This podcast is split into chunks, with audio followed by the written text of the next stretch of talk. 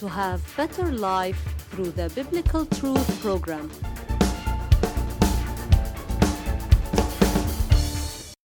The title of today's biblical truth is God turns depression into joy. Depression is a real condition that affects millions of people, both believers and non believers alike. It has many causes, but the feeling is the same. Today's truth confirms to us in Isaiah 53 4 Surely he has borne our griefs and carried our sorrows. Also, the Lord tells us in Philippians 4 4 Rejoice in the Lord always. Again, I will say rejoice. When the Lord asks or says something, He is not asking difficult and impossible actions.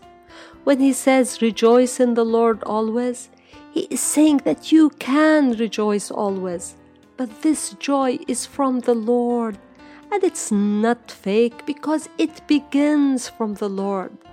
And it is not the joy of this world, such as money, homes, and things that do not last.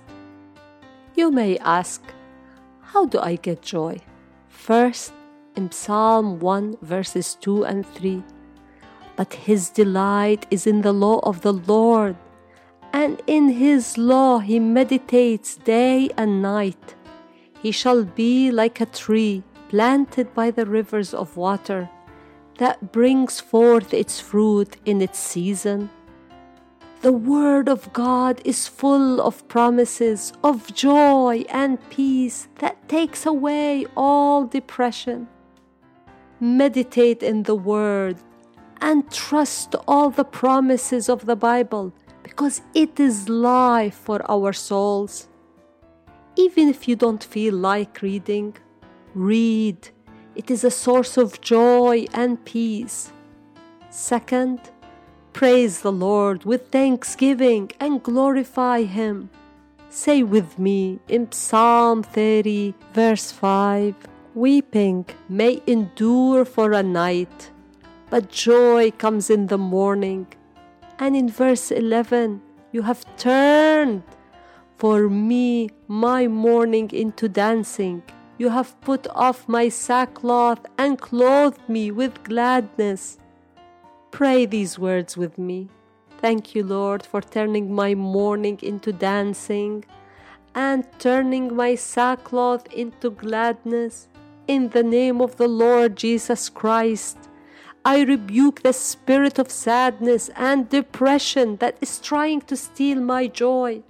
Thank you for restoring the joy that was taken from me to be multiplied with much joy and peace. Thank you for hearing me and responding in the name of the Lord Jesus Christ. Amen and amen. May the Lord bless you in a new episode of the Biblical Truth program.